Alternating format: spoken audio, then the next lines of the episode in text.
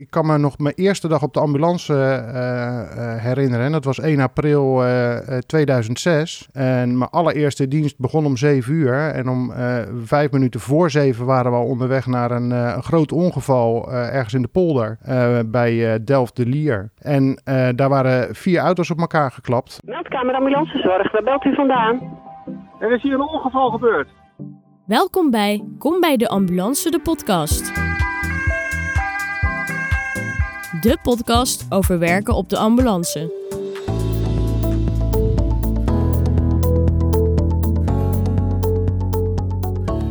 Welkom bij Kom bij de Ambulance, de podcast. Onze podcastserie over het werken op de ambulance en in de ambulancezorg. Ik ben Jori Navest van Witte Kruis en vandaag spreek ik met ambulancecollega Menno. Al 15 jaar rijdt hij op de ambulance en daarnaast verzorgt hij bij- en nascholingen als docent binnen Witte Kruis. Menno, leuk dat je er bent. Ja, dankjewel Jori. Ben je er klaar voor? Ja hoor. Oké, pak dan maar uh, een van de vragen die uh, voor ons op tafel liggen. Um, ook goed even om te weten, over 30 minuten gaat er hier in de studio een uh, ambulance-sirene af. En dan is het tijd om af te ronden. Prima, helemaal duidelijk. Oké, nou. Ik zal eens even kijken, wat er zit er allemaal tussen. Even kijken hoor. Oké, de vraag. Wat maakt jouw werk zo leuk en kun je daar voorbeelden van noemen? Wat maakt het werk zo leuk? Eigenlijk dat het super afwisselend is. Uh, er is geen dag hetzelfde. Dat heb je misschien al wel vaker gehoord, maar het is ook echt zo. Mm -hmm. uh, sowieso je werktijden, dat kan natuurlijk heel erg verschillen. Maar ook de plekken waar je komt en de deuren die normaal gesproken voor iedereen gesloten zijn, die gaan ineens open. Dat is wel grappig als, uh, ja, als, als er hulp nodig is. En wat ik zelf zo merkte toen ik hier net mee begon, is dat je eigenlijk um, als mens van nature een gevoel hebt dat op het moment dat er iets ernstig aan de hand is, dat je weg wil lopen. Mm -hmm. En dat deed ik ook voor die tijd. Ik werkte wel op een IC, uh, maar uh, dat acute gebeuren en dergelijke, daar was ik helemaal niet zo mee bezig. En toen ging ik die ambu op. En in plaats van dat je dan wegloopt van iets, wat ernstigs, uh, iets ernstigs wat is gebeurd, ga je er juist naartoe. Je wordt er naartoe gestuurd. En dat doe je eigenlijk zonder dat je daar moeite voor doet, want dat is logisch. Je bent in die functie en je gaat er gewoon naartoe en je ziet wel wat je, wat je tegenkomt. Ja, dat, is, dat, dat maakt gewoon, uh, ook als, uh, ja, uh, als professional moet je een hele andere manier van denken gaan krijgen. Ik kan me voorstellen. En heb, je, heb je een voorbeeld van, van zo'n verrassende situatie waar je tegenaan bent gelopen? Dat je inderdaad die voordeur opent en... Uh... Ja, ja wel, wel meerdere voorbeelden natuurlijk. Ik kan me nog mijn eerste dag op de ambulance uh, uh, herinneren. Dat was 1 april 2006. En mijn allereerste dienst begon om 7 uur. En om vijf minuten voor 7 waren we al onderweg naar een, een groot ongeval ergens in de polder bij Delft de Lier. En daar waren vier auto's op elkaar geklapt. Zo. Met, ik geloof dat er, ja, dat is wel lang geleden hoor, maar ik dacht dat er iets van vier, vijf slachtoffers waren. Jeetje, en dat ja, was je eerste rit? Dat was mijn allereerste rit, oh, ja. Heftig. Ja, grappig ook wel, want het was 1 april en ik dacht, nou ja, een t-shirtje is genoeg. Nou, s morgens om 7 uur was dat niet genoeg. Zo. Nee, ja. stervenskoud, en, uh, maar wel wel heel erg leuk, weet je. En dan ben je helemaal nieuw, helemaal nieuw en ja, weet je, je, je kijkt een beetje mee. Je doet eigenlijk nog niet zoveel. Het was ook mijn eerste rit. Maar het was ineens geweldig. Het, ja, uh, ja dat, zijn wel, wel bizarre ritten hoor, want zo vaak komen die ook weer niet voor. Nee, maar, nee, maar dat ja. is wel waar je het voor doet. Ja, wel. Dan weet je meteen dat je goed zit. En, en waarom uh, geeft uh, jou dat gevoel? Het is natuurlijk een hele heftige situatie. Ja. Ja, weet niet. Misschien een stukje... Uh, toen was het natuurlijk spanning en sensatie, want het was je eerste rit. Je gaat met A1 door dat verkeer en dat slijt op een gegeven moment vrij snel hoor. Ik bedoel, dat is nooit waarvoor ik uh, echt warm ben geworden dat je nou met spoed door dat verkeer heen gaat. Het is natuurlijk wel leuk, want je ziet de gekste dingen. Maar het was niet direct dat ik daar nou zo op viel, maar het was meer uh, de hulpverlening die daar dan op straat ontstaat, dat je daar onderdeel van uh, bent. Uh, doordat je gewoon ja, goed opgeleid bent. Op dat moment was ik dat nog niet. Uh, maar je, je, je, zag collega's die gewoon wisten wat ze moesten doen. En dat, dat wilde ik ook graag. Dat was meteen duidelijk. Oké, okay, maar je zegt net op dat moment was je nog niet goed opgeleid. Wel toch, neem ik aan? Nee, nee, nee. Want uh, in die tijd, en dan hebben we het echt over uh, 2006, um, ging je, werd je aangenomen. Je ging um, eerst het vak leren op straat. Uh, vervolgens werd je in die tijd, een week of zes, werd je ingewerkt. En dan mocht je daarna los met een uh, ambulancechauffeur die wat meer ervaring inmiddels al had. Mhm. Maar een opleiden, dat werd pas een half jaar later. Oh, en bij sommigen zelfs een jaar later. Oké. Dus dat was echt een hele vreemde situatie. Kunnen we ons nu niet meer voorstellen. Nee, en mag ook nooit meer terugkomen. Nee, nee. Maar dat was de manier zoals het ging. Oh, wauw. Ja. Dat is echt een heel het- verschil, ja. Ja, en wat je had als verpleegkundige is dat je, hè, je had je kennis en ervaring uit het ziekenhuis eh, met vervolgopleidingen binnen, de- binnen die ziekenhuismuren. Ja, en daarmee werd je aangenomen en dan ging je het vak gewoon on the fly leren. Oh ja. Want hoe is dat bij jou gegaan dan, eh Menno, dat, dat, eh, die overgang? Dus je hebt hiervoor op de IC gewerkt. I- IC en hartbewaking. Oké. En ehm, daar had ik vijf jaar had ik daar gewerkt. Nou, de, op, de afdeling waar ik toen werkte, die ging eh, ophouden te bestaan door fusies binnen die ziekenhuizen. En dat was voor mij eigenlijk het moment om te zeggen van, nou weet je wat, het wordt tijd voor wat anders. En ik wilde dit altijd al wel, maar ik had het zo gezellig binnen dat ziekenhuis dat ik niet zo hoefde. Ja, dit was het mooie moment voor mij. Mooi. En wa- wat sprak je zo aan eh, aan het werk op de ambulance? Nou, met name eh, een stukje acute zorgverlening, waar ik nog niet zo heel veel van wist en waar ik wel wat over wilde leren. Ehm, maar je spreekt ook mensen. Eh, je kent mensen die op die ambulance werken. En je mag een keertje meerijden omdat je geïnteresseerd bent een Mhm. dagje. Ja, en toen begon het wel te leven. En Toen dacht ik, waarom niet eerder begonnen? Maar nou, achteraf gezien was het natuurlijk prima, want je pakt heel veel ervaring in dat ziekenhuis. Nou, mooi om te horen. Zullen we een volgende vraag eh, Ja hoor. doen? Even kijken. Wat maakt iemand geschikt om op de ambulance te werken, zie ik hier. Eh, ja, ten eerste moet je het willen. Eh, daar begint het mee. En ja, ik denk dat je... ehm, de geschiktheid die zit hem vooral in het feit dat je ehm, eh, zelfstandig kan werken...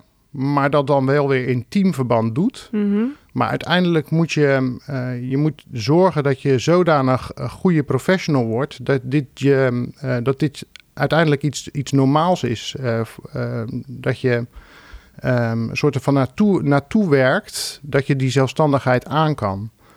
Ehm, Dat vraagt dan best wel wat van je, van je vaardigheden, als ik het zo hoor. ja, nou, en natuurlijk word je eerst initieel opgeleid. Bij mij Mhm. duurde dat dan wat langer. Hè. In die tijd was dat normaal. Ehm, maar uiteindelijk nu is het... ehm, eh, ja, je gaat nu wel direct je opleiding in. Maar nadat dat je, dat je die hebt afgerond en je diploma binnen hebt... is het niet klaar. Je bent als ambulance professional... eh, eigenlijk de rest van je kan- carrière gewoon continu aan het doorleren. Ja, want jij bent toevallig ook, eh jij houdt je ook bezig eh, met het eh, opleiden, de tak opleiden Ja. binnen Witte Ja.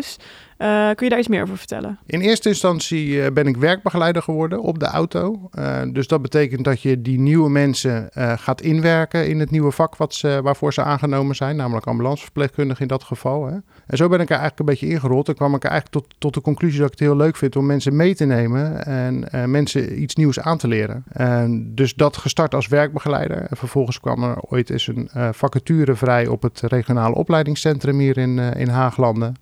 Ehm, een aantal collega's zeiden toen van, joh, is dat niet wat voor jou? Ik zei, ja, is dat niet wat te vroeg? Nou, probeer het nou maar gewoon. Nou, op een gegeven moment rol je daar dan in, word je daarvoor aangenomen en dan gaat het van het een naar het ander. En toen ben ik in 2014 ook daadwerkelijk begonnen met eh, de docentenopleiding. Ehm, extern natuurlijk, eh, op de Hogeschool in Leiden. Eh, ja, daar ben ik eh, 2,5 jaar mee bezig geweest. Toen had ik, me, had ik eh, mijn diploma en was ik eigenlijk ineens een soort van omgeschoold. Ja. En ehm, wat blijkt, ik vind het superleuk. Dus ik, ik pluk nu de vruchten van het feit dat ik en ambulanceverpleegkundige mag zijn. Maar daarnaast ook een soort van tweede carrière erop naast hou door docent te zijn binnen de ambulancezorg. Ja, wat leuk. Ja. En dat gaat dus om, om opleidingen, dus, dus bijscholen, maar ook ehm, echt de opleidingen ehm, als mensen worden, worden aangenomen bij ons, toch? Ja, nou, initieel, eh, of eigenlijk de afgelopen jaren is dat vooral het, het, het, het, bij- en nascholen geweest van, eh, van collega's. Zoals ik net al zei, eh, ja, dat, als je klaar bent als ambulanceverpleegkundige of chauffeur, dan ben je niet klaar met leren. Dat betekent dat je gewoon jaarlijks terugkerende scholingen krijgt ehm, met alle nieuwigheidjes die er natuurlijk weer zijn. Maar ook veel verdieping in ziektebeelden. We hebben natuurlijk een heel breed spectrum aan, aan, aan diverse patiëntencategorieën die we zien. Dus ja, eigenlijk is overal weer wat opnieuw eh, wat, wat nieuws bij te leren. En sinds kort gaan we als Witte Kruis met Witte Kruis opleidingen ook starten met, het, ehm, ehm, met eh, de initiële opleiding voor ambulancechauffeur. Dus daar zijn we nu keihard voor aan het werk. eh, in de hoop dat we op 1 september straks de eerste groep chauffeurs die voor Witte Kruis gaan worden opgeleid om dat te gaan verzorgen. Oh, wat tof. Heel Ja. leuk, ja. En wat goed ook dat je dat dan kan combineren met jouw werk op de ambulance. Ja, en ik moet wel zeggen dat eh, mijn werk wat dat betreft erg verschoven is eh, naar, eh, naar dat stukje opleiden en een stukje kwaliteit. Dus ik heb veel neventaken wat dat betreft. Hè, want van origine ben ik ambulanceverpleegkundige, maar in de neventaken ben ik, daar zit eigenlijk het grootste deel van mijn werk nu. Ik zit op dit moment ehm, nog maar één dag in de week op de, op de ambulance. Oké. Het is ook heerlijk om het wel bij te houden. En bovendien, het, het is en blijft gewoon een prachtig vak. Dus ja, daar wil je eigenlijk ook niet vanaf. Nee, dat kan me goed Nee. voorstellen. En, en wat, dan kun jij misschien wel echt eh, perfect eh, tips meegeven aan studenten die zich aan het oriënteren zijn en misschien wel op de ambulance willen werken. Wat zou je hun mee willen geven? Nou, als je, ehm, eh, als je dat zou willen, en dat is een beetje afhankelijk van wat je voorland is natuurlijk, maar doe voldoende ervaring op. Dat is eigenlijk mijn eerste tip. Eh, ervaringen binnen ehm, de ziekenhuismuren bijvoorbeeld. ehm, maar daar zou, daar, daar, daar, zou je wel echt flink op moeten insteken om, eh, om- om, om dat te doen. Dus haal je, haal je diploma, je HBOV of, of welke, welke eh, diploma dan ook. En wat is voldoende? Voldoende werkervaring? Ja, voldoende, voldoende werkervaring. Ja, dat is niet echt heel makkelijk in tijd uit te drukken, maar wel in, in vervolgopleidingen die je daar eventueel bij doet. En vooral belangrijk is dat je, als je echt die acute zorg op gaat, dat je, dat je vervolgopleidingen die kant op ehm, eh, gaat, eh, gaat, eh, gaat kiezen. Dus wat zou je dan bijvoorbeeld bijvoorbeeld... spoedeisende hulp. Mhm. Intensive care kan, is, kan ook een hele goede basis zijn. Eh, hartbewaking ook wel. Alleen hartbewaking is wel heel erg toegespitst op het hart natuurlijk. En wat minder van al die andere dingetjes. Dus de- het kan wel, maar dan, ehm, dan heb je wel eh, wat mindere basis. We hebben te- tegenwoordig natuurlijk ook nog een lange trancheopleiding voor verpleegkundigen. Waarbij je eigenlijk alleen maar basisverpleegkundige eh, hoeft te zijn. Eh, waarna, waarbij je aangenomen kan worden als, als student voor, de, voor het ambulancevak. Dat werkt, dat hebben we inmiddels ervaren. We hebben Mhm. een aantal, aantal collega's die die opleiding nu hebben afgerond. eh, met goed resultaat. Alleen dat traject is langer. Ja, precies. En er zijn ook weinig plekken, hè? Ja, er zijn weinig plekken voor. Want vanuit organisatorisch eh, oogpunt is het natuurlijk prettiger als, eh, als instelling om mensen eh, minder lang te hoeven opleiden. Dus als, als, als, de, als, de, als de markt het toelaat, dan, ja, dan zal de keuze misschien eerder gemaakt worden van mensen die sneller inzetbaar zijn zelfstandig. Zullen we even kijken naar een andere vraag? Zeker. Even kijken hoor. Die hadden we eigenlijk ook gehad. Dat is wel een mooie. Je ziet in je werk wat er allemaal mis kan gaan. Ben je daardoor zelf ook voorzichtiger in je eigen leven? En kun je daar een voorbeeld van geven, staat er dan nog bij. Ehm, ja, ja en nee. Eh, weet je, aan de ene kant ehm, eh, ben je echt wel voorzichtiger, maar dat is meer, ehm, dat, zit, dat zit in je koppie. Eh, en dan gaat het vaak over, niet eens over jezelf, maar dan gaat het vaak over je gezin, over je kinderen. En dan ehm, met name, ja, mijn kinderen zijn nu een beetje, die gaan richting het puberen. En dan ga je toch eh, denken ze van, oké, weet je, je, je hebt toch wel het een en ander gezien. En dan gaat het vooral over natuurlijk eh, intoxicaties eh, van, van middelen, alcohol, drugs, dat soort zaken. En dan, ehm, dan ben je daar wel alerter op misschien, maar weet ik ook niet zeker natuurlijk, dan andere ouders. Dat zou kunnen. En reageer je daar dan ook anders op, denk je? Ga je er anders mee om? Ja, ehm, nou misschien wel, maar eh, ik kan ik kan niet beoordelen omdat ik nou Nee, eenmaal dit, dit doe. En eh, ik weet niet hoe een ander eh, daarover denkt. Maar ehm, ja, je bent wel heel alert. Dus ik, probeer wel zoveel mogelijk met, met mijn jongens dan te bespreken. De jongste is nog iets te klein, maar ja, ik heb er ook een van, van net 14. Ja, dan moet je wel. Dan ben je wel alert daarop dat je, dat je signalen eventueel herkent. Die zijn er gelukkig nog niet. Tenminste, ik heb ze nog niet gemerkt. Maar dat zijn wel dingen die, die neem je mee. Ja, en dan ga je. Het is niet zozeer doemdenken, maar je bent wel super alert. Ja, ja, je komt natuurlijk zoveel situaties tegen, eh, inderdaad, zoals dit ja, soort dingen. ja. Maar ook natuurlijk ongevallen in het verkeer. Ook? Heb, ja. je, heb je wat voorbeelden van eh, eh, nou ja, situaties die heel erg bij zijn gebleven? Nou ja, weet je, je hebt, natuurlijk wel, zeker als het dan, eh, we hadden het net over kinderen, hè, als het over kinderen gaat en je maakt inderdaad ongevallen mee op straat waarbij kinderen betrokken zijn. En dat is gelukkig 9 van de 10 keer niet zo heel ernstig, maar een enkele keer toch ook wel. Ja. Eh, ja, dan is dat toch soms, weet je, je ontkomt er niet aan dat je denkt van, ja, wat nou als? Hè? Nee. Stel dat het mijn kind zou zijn die niet kijkt, oplet met oversteken of eh, een, eh, een, een, bestuurder van, eh, van een voertuig die niet oplet. Dat je denkt van, ja, het kan zomaar ineens, eh, kan, het, eh, kan het fout gaan. Hoe, hoe kun je dat eh, van je af laten glijden?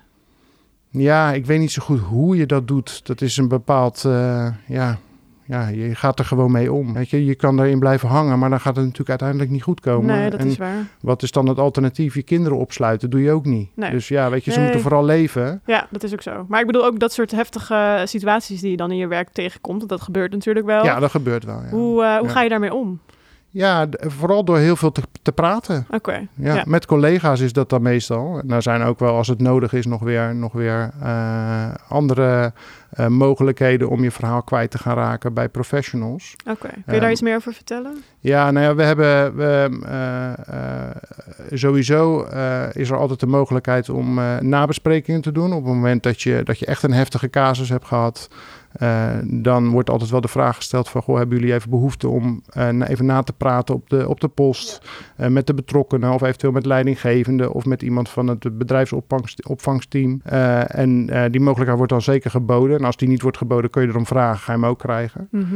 En vervolgens wordt er wel ook nog een vinger aan de pols gehouden door ehm, eh, bijvoorbeeld te zeggen van... joh, zullen we anders volgende week nog eventjes erop terugkomen, even Ah, nog kletsen. Nou, dat is wel fijn. Ja, dus dat, wordt, dat is wel goed verzorgd, ja. Maar vooral, en dat, dat is wat voor mij het, meeste, het beste werkt... en ik, ik, eh, veel collega's hebben, eh, hebben dat ook wel, merk ik... is dat je gewoon even met elkaar kan stomen afblazen. Hè? En ehm, soms gaan dingen niet zoals je ze had gewild... Ehm, maar dan is het weer een stukje professionaliteit... als je achteraf ze kan zeggen dat je zelf hebt gedaan... eh, en je, je hebt als team gepresteerd op de toppen van je kunnen... en, en daar is niks in misgegaan... Mhm. Ja, dan, dan is het wat het is. Hoe waar. vervelend ook. Ja, je hebt het natuurlijk met elkaar meegemaakt als team. Ik Ja. bedoel, als chauffeur en eh, verpleegkundige. En ik kan Ja. me natuurlijk voorstellen dat het dan heel fijn is dat je dat met elkaar nog even kan eh, evalueren. of daar nog even over kan napraten. Ja.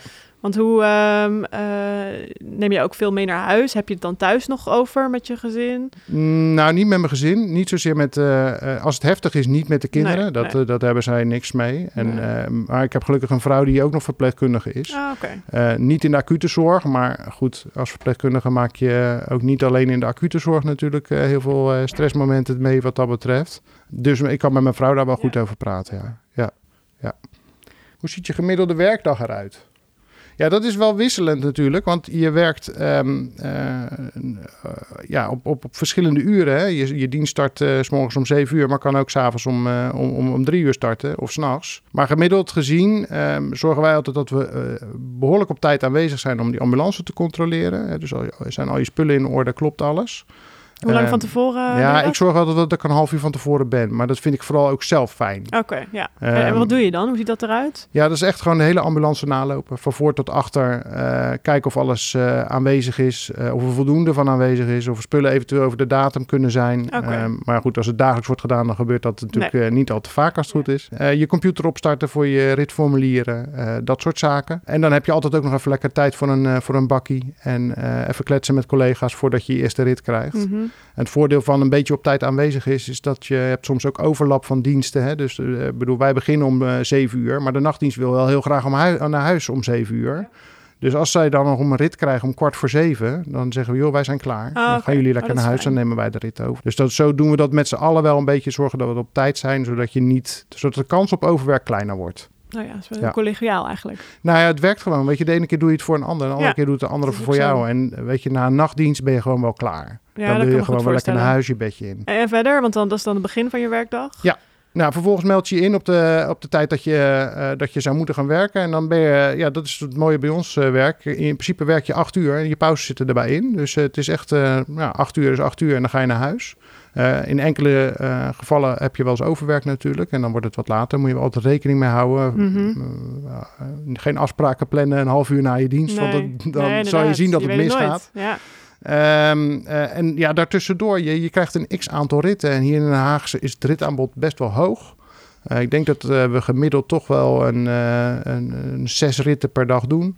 Nou, je bent tenminste per rit wel een uurtje bezig. Hm. Ehm, dus het is, het, is, het is een volle dag. Eh, tussendoor verplaats je je bijvoorbeeld van de ene naar de andere post als de meldkamer eh, dat van je vraagt. Eh, zodat je voorwaarden scheppend in de buurt bent eh, en zij de dekking eh, eh, gewoon eh, netjes op orde hebben. Oké, kun je daar iets meer over vertellen?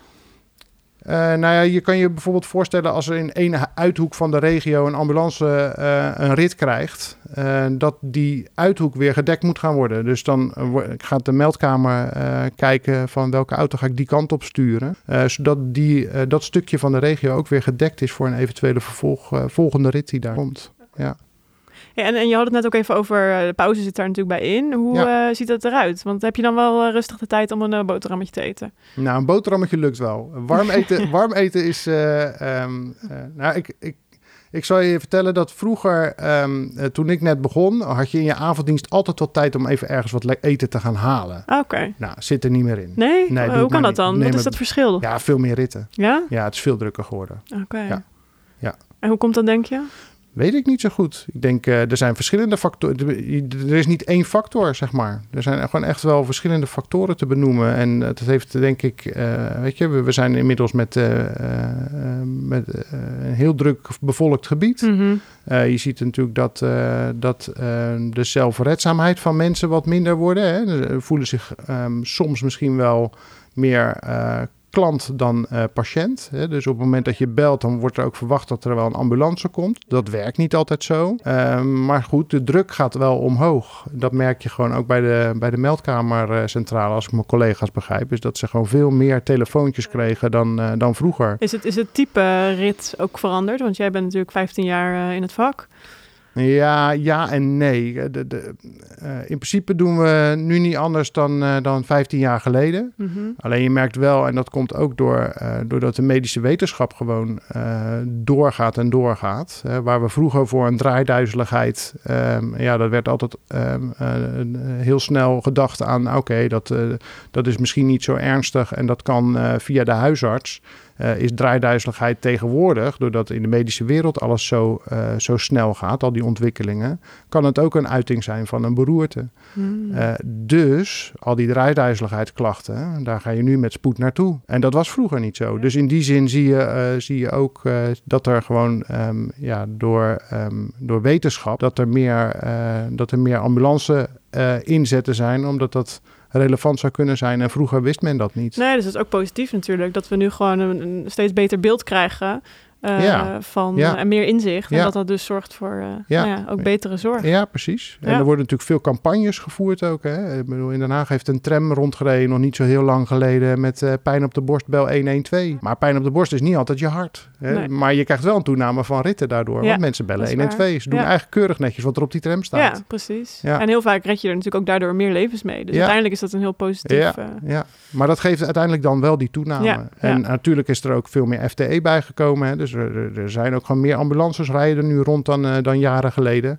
Maar soms eh, zijn er momenten dat we het, eh, dat we het nauwelijks aankunnen. En dat het soms moeilijk is om, om binnen een kwartier ter plaatse te zijn. Wat toch eigenlijk wel de bedoeling is. Zullen we een volgende vraag pakken? Ja hoor, even kijken hoor. Oké, nou deze sluit daar misschien wel een beetje op aan. Het medische vak is zo breed en er zijn veel innovaties en veranderingen. Waar haal jij je vakkennis uit en wat doe jij aan training slash bijscholing?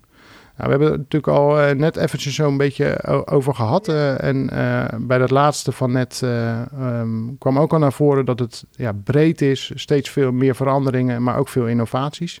Ja, je zal dus als ambulanceprofessional op de hoogte moeten blijven. En deels wordt dat je dus aangeboden vanuit opleidingen binnen de ambulancezorg eh, regionaal. Oké, hoe ziet dat eruit? Hoe vaak heb je bijvoorbeeld een eh, bijscholing? Nou, normaal gesproken, eh, maar ook daar zie je wat eh, veranderingen in de laatste, de laatste tijd. Eh, normaal gesproken had je altijd vier regionale bijscholingen per jaar bij de ALS-ambulance. Ehm, maar tegenwoordig, en dat waren vier vaste zaken. Hè. Dan werd er, er werd er door opleidingen bepaald van, nou, dit is een onderwerp, dit gaan we nu weer eens herhalen. Of daar gaan we nu de nieuwste innovaties in doen.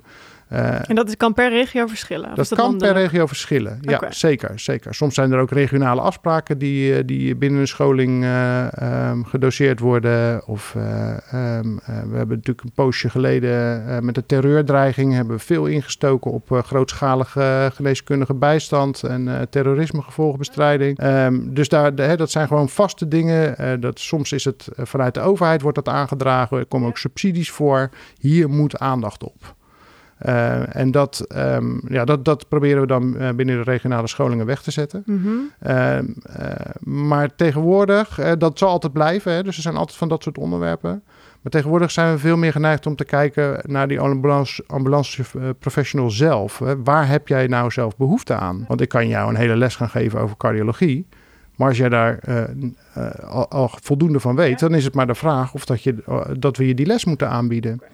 Eh, dus nu zijn we steeds meer geneigd om te zeggen van nou ja, eh, we zorgen dat we een x aantal eh, verschillende soorten lessen op de plank hebben liggen. En kies er maar één uit. Ah, interessant. En, en dat zijn dan vooraf opgenomen lessen bijvoorbeeld? Of hoe ziet dat er dan uit? Nee, die, die, die lessen die maken we dus aan de voorkant. Hè. Dus die liggen een soort van, die zijn, liggen kant en klaar op de plank. En dan maken we vervolgens een planning om te zeggen van, nou weet je, op, op die en die datum doen we een les over traumatologie.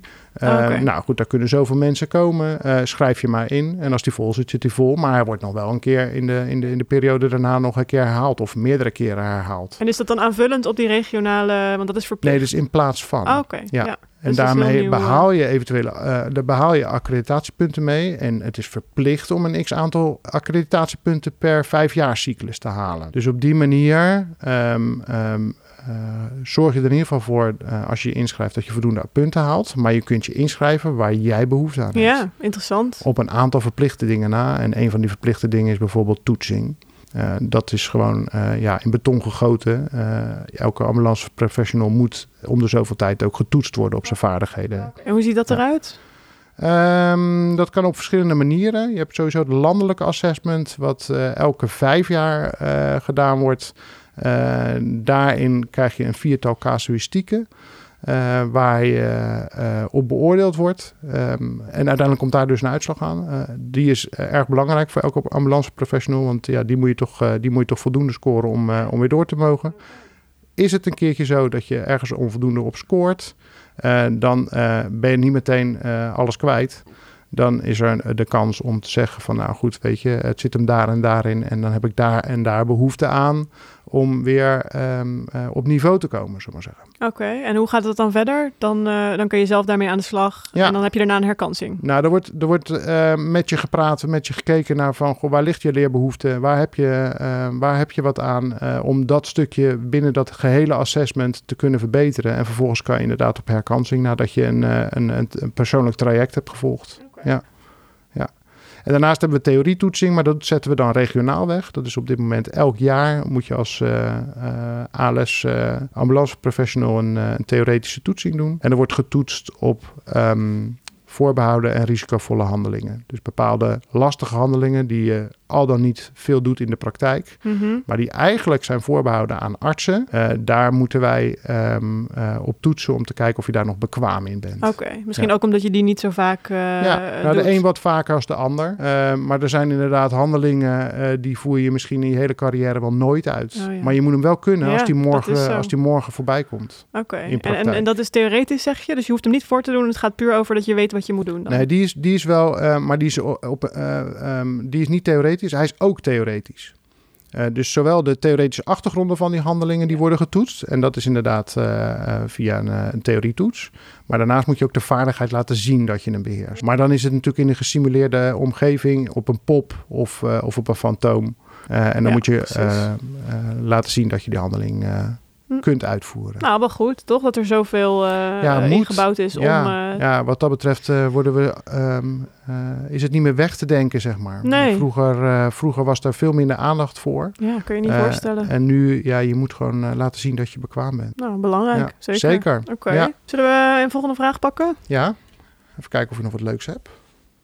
Wanneer rijd je met een sirene en wanneer niet? Zijn er ook twijfelgevallen? Hmm, twijfelgevallen, nou daar kom ik zo wel op. Eh, wanneer rijd je met een sirene en wanneer niet? Nou, je rijdt met een sirene als de meldkamer zegt dat je dat moet doen. Die bepalen de Zo urgentie. makkelijk is het. Ja, die bepalen de urgentie. Eh, eh, of dat je met A1, hè, zoals dat dan heet, met optische en geluidssignalen, naar een melding toe moet. Mhm. Er is een uitzondering, ehm, want dat is A1 vervoer hè, met optische en geluidssignalen. Maar er is ook nog A2, dan zit er dus minder tijdsdruk achter. Eh, dan is het dus minder levensbedreigend. En Mhm. dan rij je in principe niet met zwaailicht en sirene. Oh, als we het over de duivel hebben. Dat is hem. Tenzij. We zijn er al. maar maak even je antwoord af. eh. Eh, ehm, ja, maar dan moet ik me niet zo afleiden. Eh, nee, in, in theorie kan het met A2 ook, maar dan ha- hangt het af van jouw bevindingen eh, met je collega. als je aanrijdend bent, of je gezien de verkeersdrukte of gezien de weersomstandigheden een indicatie hebt om te zeggen van ja, weet je, maar we gaan hier nu, nu, nu niet rustig naartoe rijden, want dat komt niet in het beste voordeel van de patiënt. Oké, maar dan Ja. schat je dat dus zelf in. in Dan moet je dat zelf inschatten. Ja. En vervolgens bepaal je als ambulanceverpleegkundige of je, als je je patiënt gaat vervoeren, of je dat ook met zwaailicht en sirene doet. Oké, en waar ligt dat aan? Die Ja, dat ligt echt helemaal aan, eh, aan, aan de afwijkingen die een, eh, die een patiënt vertoont op het moment eh, dat, je, dat je die hebt onderzocht. Ja. En, zijn, er wel eens twijfelgevallen? Zelden. Mm, Nee, dat is wel redelijk goed eh, dichtgetimmerd. Ja, weet je, het blijft een beetje een grijs, ehm, grijs gebied. Ehm, het is soms heel duidelijk en soms hoeft het gewoon echt niet. En een enkele keer zeg je van, nou weet je, laat het maar doen. Ja, want- bij twijfel doen. Ja, Daar komt het misschien op neer. Ja, ja. oké. Ja. Nou, mooie afsluiter lijkt me. Dankjewel, eh Menno. Graag gedaan. voor jouw verhaal. Ehm, ook eh, alle luisteraars eh, enorm bedankt voor het luisteren naar Kom bij de Ambulance, de podcast. Heb je ook vragen over het werken op de ambulance? Stuur deze dan in via de comments onder deze podcast of eh, via social media. En wil je nou meer horen? Abonneer je dan op deze podcast via onder andere Apple Podcast en Spotify. En heel graag eh, tot de volgende keer. Bedankt voor het luisteren naar Kom bij de Ambulance, de podcast. Ben je enthousiast? Of wil je meer weten over het ambulancevak? Kijk dan op kombijdeambulance.nl